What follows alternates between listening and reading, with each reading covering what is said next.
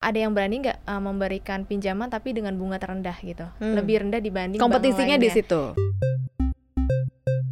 Gimana sih maksudnya untuk kita bisa punya screen out khususnya untuk yang di second liner ya, Mhm. eh, untuk bisa memilih mana yang memang cukup bisa mendatangkan cuan gitu. Uh, Mbak Maria bilang tadi yang pernya istilahnya BBC udah mahal terus apa sih yang masih murah gitu? Paham Pantauan Saham.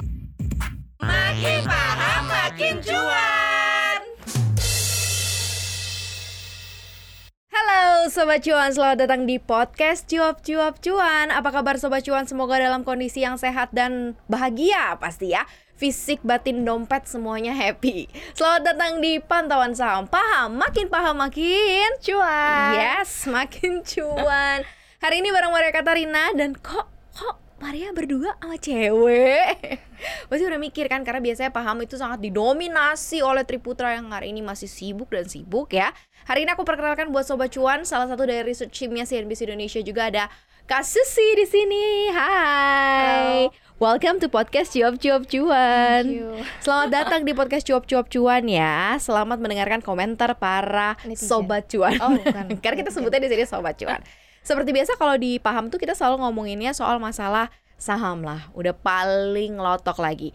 Dan kali ini nih, gue pengen ngajak sobat cuan untuk lebih ke konten yang eh, mengerucut yang lebih tersaring lagi gitu. Karena kita udah banyak banget bahas seputar dunia saham, ini itu gitu ya. Dan sekarang gue pengen ajak sobat cuan untuk ngedengerin podcast kita hari ini karena kita akan bahas mengenai battle banking. Makanya ada expert kan di sini yang aku hadirkan untuk menjawab pertanyaan-pertanyaanku. Si bodoh ini akan selalu mau tahu dan mau tahu jawaban yang benar-benar bisa melegakan ya. Kadang-kadang kan kalau di saham kan gitu ya, bener nggak sih, bener nggak sih. Nah sekarang kita battle banking. Oke. Banking nih eh, kasusnya pernah ngitung nggak sih ada berapa banyak konstituen banking di Sektor perbankan saham ya? kita tuh yang 800-an itu pesertanya. Eh, jujur saya nggak pernah ngitung. Saya cuma hafal empat banking big big cap four aja. banks ya, oke. Tapi kan banyak sebenarnya irisannya Iya, ya. betul. Tapi itu supposed to be kayak ada kali ya mungkin 30 gitu ya kecil-kecil gitu dan lain-lain Iya, mungkin kayak banyak ya. bank mini, bank daerah, bank digital itu kan juga ada banyak ya. Mhm. Nah, jadi sobat cuan mungkin yang baru banget pengen tahu masalah dunia saham kalau di sektor perbankan khususnya itu ada Big Four Banks yang mendominasi ada BCA, BNI, BRI dan Mandiri. Kemudian selebihnya ada yang di tier 2, tier 3, ada Digibank gitu ya. Ada ada bank daerah juga yang ada atau menjadi salah satu konstituennya indeks harga saham gabungan. Nah, well, sekarang kita coba untuk battling nih ya kan. Selama ini kan dominasi terbesar adalah di Big eh, di Big Four Bank masih nggak sih sampai sekarang dan sampai nanti at least kayak mungkin kasus sih lihat 5-10 tahun lagi bahwa dominasinya tuh masih akan ada di big four banks ini.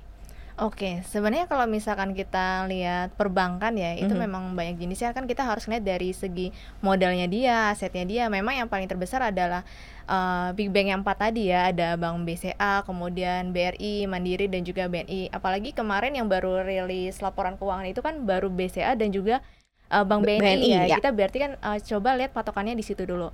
Nah, memang eh, rata-rata kan pendapatan dari bank tersebut adalah dia dari net interest marginnya sama juga fee based income. Jadi kalau net interest margin itu maksudnya dia adalah pendapatan bunga. Jadi pendapatan bunga dia dari kredit selisih dari uh, bunga yang biasa dia berikan ke nasabah. Hmm, Nah, itu jauh hmm. lebih besar daripada kredit. Nah, ini biasanya rata-rata ada di big bank tadi. Mhm. Nah, Big sedangkan four bank kalau- tadi ya. Kalau fee based income ini dia juga rata-rata ada di big bank karena kan kalau fee based income itu ada pendapatan di luar bunga. Jadi itu dia ada pendapatan dari kayak biaya admin. Mhm. Kalau misalkan dari situ kan berarti memang nasabahnya itu kan harus banyak ya. Oke. Kalau untuk eh, pengen labanya istilahnya lebih besar lah Mhm. untuk mengalahkan big bank big bank tersebut. Nah, untuk nasabah-nasabah tersebut memang yang masih dominan itu adalah big bank 4 tadi. Eh, terutama adalah BBCA yang kita tahu growth-nya itu sangat luar biasa ya Mhm. dari kemarin eh, kita lihat sendiri bahwa pertumbuhan dia di ah, hingga akhir Desember 2022 uh, dari laporan keuangan di IDX Mhm. dia tumbuh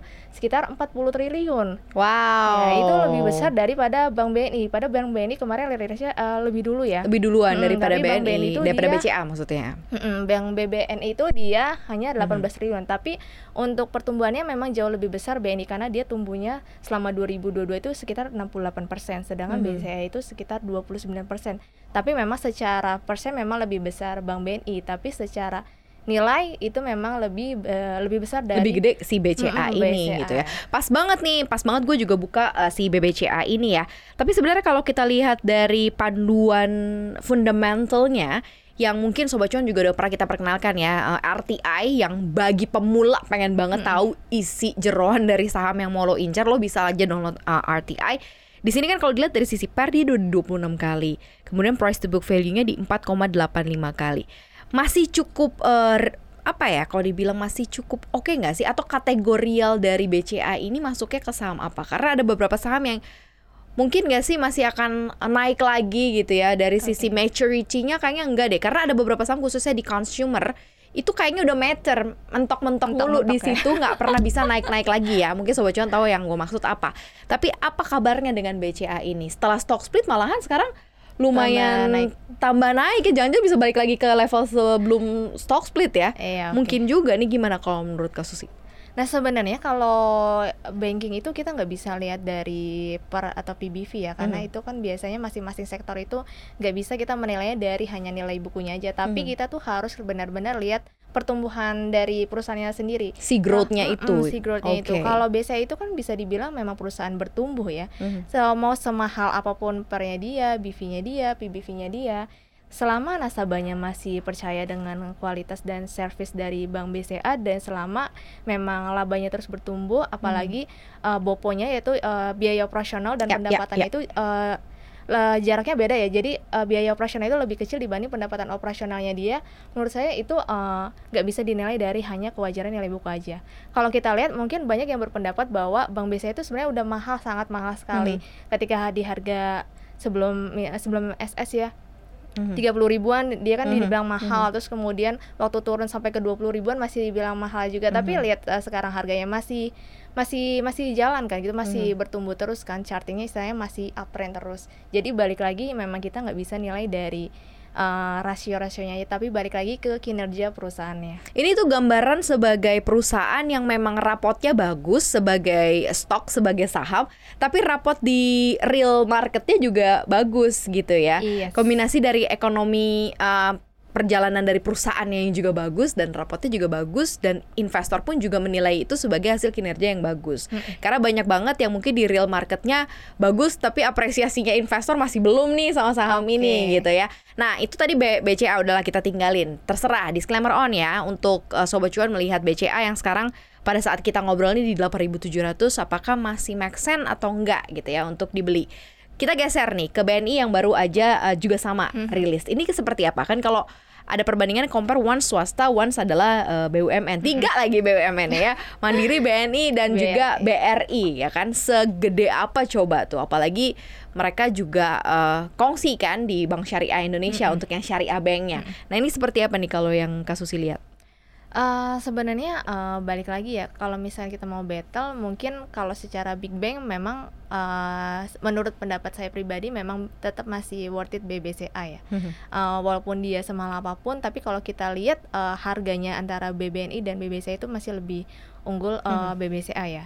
Jadi balik lagi ke kinerja. Cuman kalau misalnya kita mau compare dengan jenis bank lainnya kayak misalkan bank daerah atau bank mini ataupun bank digital emang itu agak cukup cukup jauh Eh, cuman memang kalau misal kita mau cari kayak eh, Mbak Maria bilang tadi yang pernya istilahnya BBC udah mahal terus apa sih yang masih murah gitu Hmm, itu sebenarnya ada tapi di bank-bank mini. Cuman ke bank-bank mini itu menurut saya pertumbuhannya tidak eh, sebesar atau tidak secepat seperti bank-bank yang sudah eh, bertumbuhnya jauh ya. Misalkan eh, bank daerah itu menurut saya juga bertumbuhnya udah lumayan. Karena kalau misalkan kita lihat Bank Jawa Barat sama Bank Jawa Timur BJBR BJTM itu di kuartal 3 tuh mereka berdua eh, naik gitu Mhm, labanya mhm, naik berarti kan mhm. memang kinerja pada eh, bank-bank daerah itu memang naik apalagi kalau misalkan nanti ketika Bank BJBR eh, memantau mana nih wilayah Jawa Barat yang memang dia belum uh, membuka Belum grab, cabang. ya. Mm-mm. Ketika nanti dia membuka cabang, otomatis itu akan menaikkan NIM-nya dia, terus fee based income-nya dia, dan itu akan mempengaruhi labanya dia. Jadi memang uh, balik lagi uh, bagaimana mereka cara ekspansinya untuk dapetin nasabah dan juga dapetin kredit dan Hmm. juga itu akan ngaruh ke kinerjanya juga nantinya. Oke, ini langsung gesernya ke bank daerah ya. Tapi padahal gue nanya tadi BNI ya. At least dari BNI, BCA, BRI dan juga Mandiri, BCA masih megang lah ya. Hmm, Jadi masih, masih favorit juga untuk institutions eh, investor ya. Institusi asing pun juga masih melirik bank yang satu ini ya, makanya Bener. cukup powerful lah. Nah, kalau kita bicara mengenai bank yang lain yang ada di tier 2 gitu ataupun bank daerah lah ya. PR-nya masih cukup besar nggak sih untuk kemudian grab market atau grab pasar gitu? Lebih besar lagi atau mereka sendiri sebenarnya punya opportunity kenaikan harga saham yang masih cukup luas nih. Yang masih bisa ditunggu lah kalau misalnya mindsetnya investor ini mau lima tahun, 10 tahun misalnya untuk goals dana darurat atau untuk goals ya dana pensiun gitu fine gak sih untuk melirik saham-saham yang em, kecil-kecil ini gitu? Oke, kalau misalkan tadi ngomong bank daerah ya, tadi kan Mbak Mari sebutin bank daerah ya. Mhm. Kalau misalkan bank daerah kita lihat aja eh, bank daerah mana ya cabangnya paling banyak. Karena itu kan pasti akan mempengaruhi dong. Selain eh, cabangnya paling banyak, mana yang memang eh, nasabahnya banyak dan juga itu nanti akan mempengaruhi mereka, fee based income mereka.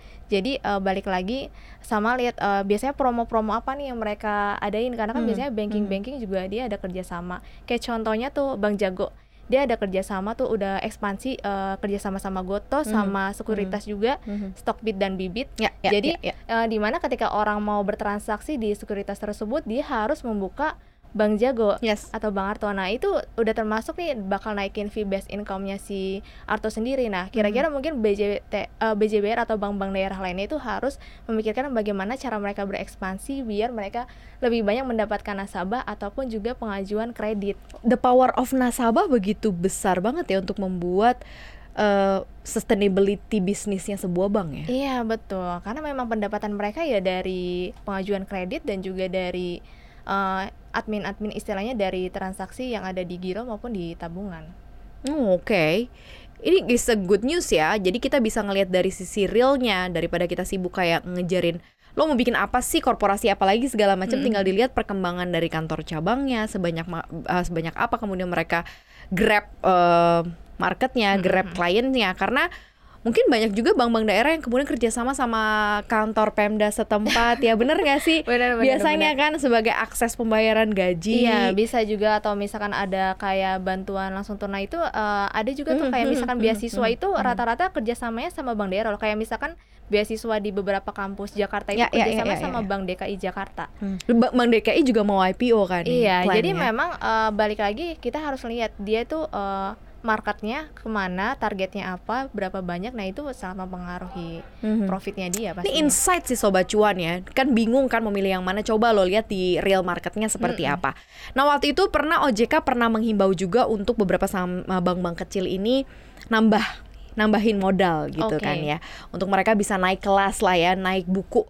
Dan uh, beberapa akhirnya nggak ada permodalan, akhirnya banyak diakuisisi sama bank yang lebih gede Oh, lagi gitu ya. Nah ini juga mungkin ada beberapa catatan uh, bank-bank yang ada di tier 2 dan tier 3 nih di market atau di uh, indeks harga saham gabungan. Ini seperti apa sih kita untuk ngelihatnya kan as a business sama dong yang dijalanin sama big four banks, uh, kemudian uh, yang second liner, third liner itu kan sama aja kan kredit, kemudian dia melakukan banyak uh, pembiayaan dan lain-lain lah itu dilakukan. Tapi gimana sih maksudnya untuk kita bisa punya screen out khususnya untuk yang di second liner ya, Mhm. uh, untuk bisa memilih mana yang memang cukup bisa mendatangkan cuan gitu. Kalau bank daerah kan tadi udah kasih kuncinya nih mana yang cabangnya paling banyak, kemudian mana yang bisa uh, nge-grab uh, apa nasabah juga lebih besar gitu kan. Nah kalau yang di bank-bank taruhlah misalnya ya kayak MyBank, terus kemudian ada uh, CIM Niaga kalau nggak salah ya BNGA, terus Mhm. kemudian ada beberapa bank-bank lain lah di second liner uh, di bursa gitu di indeks harga saham gabungan. Kasusnya ngeliatnya gimana?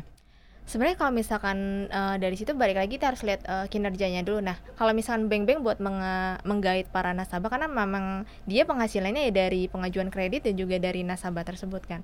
Ya tinggal kita lihat aja biasanya uh, ada yang berani nggak uh, memberikan pinjaman tapi dengan bunga terendah gitu, Hmm. lebih rendah dibanding Kompetisinya di lainnya. situ. Iya, kalau Oke. misalkan uh, dia berhasil dengan marketing seperti itu, tinggal kita lihat prospek uh, prospek dari yang dia sudah buat marketing tersebut atau ekspansi tersebut berhasil nggak uh, pada kuartal selanjutnya. Jadi misalkan di kuartal 2 dia membuat program seperti itu, kita, kita tinggal lihat aja uh, ekspektasinya di kuartal Hmm. 3 itu akan nambah nggak nih penghasilan dia dari uh, dia membuat promo tersebut gitu. Jadi selain ekspansi dia kerjasama atau diakuisisi kita bisa lihat juga dari uh, apa yang ditawarkan dari bank tersebut sehingga bisa menarik uh, para nasabahnya untuk membuat tabungan atau untuk bertransaksi di bank tersebut gitu dan itu Mhm. berlaku untuk semua bank ya mau bank mini bank digital uh, daerah ataupun juga big bank Mhm. Kalau di market mereka masih punya potensial upside yang lumayan gak sih?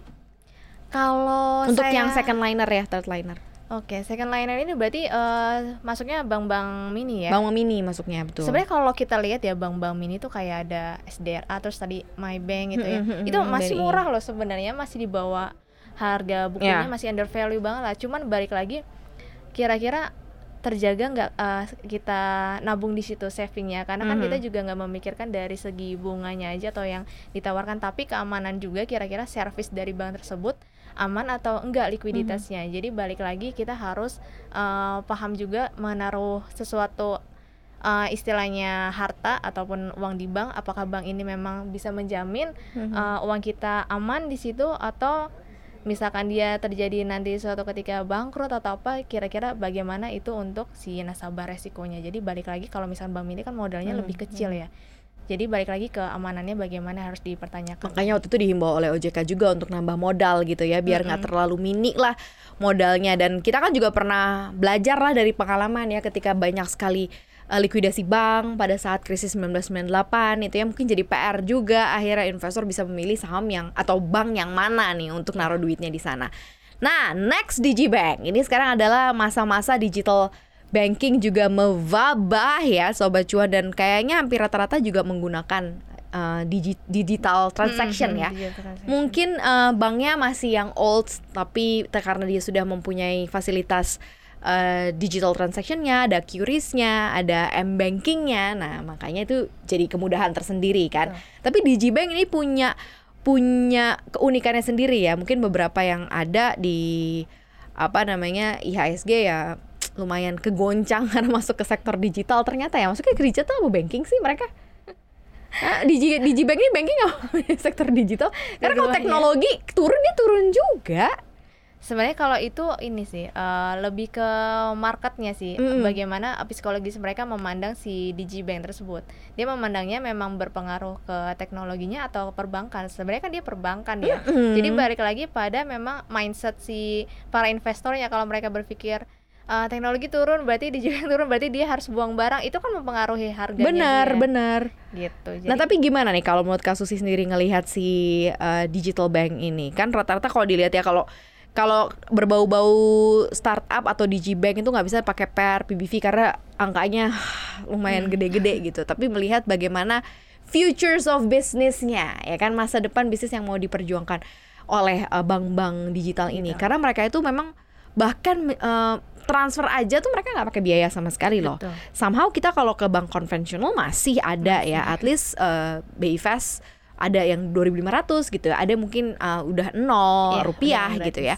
tapi ada yang pakai uh, transaksi transfer biasa aja masih kena 6000 gitu. Nah kalau kasusnya ngeliatnya gimana sih berbagai macam sweeteners yang dikasih oleh Digibank ini cukup menarik nggak? Nah, eh, bukan Digibank aja ya, mungkin bank-bank digital lainnya ya. Jadi kan mereka istilahnya ingin bersaing dengan bank-bank yang istilahnya sudah lebih dulu ada dan besar karena kan rata-rata bank digital itu rata-rata memang bank-bank Hmm, baru ya, baru eh, istilahnya baru berdiri lah.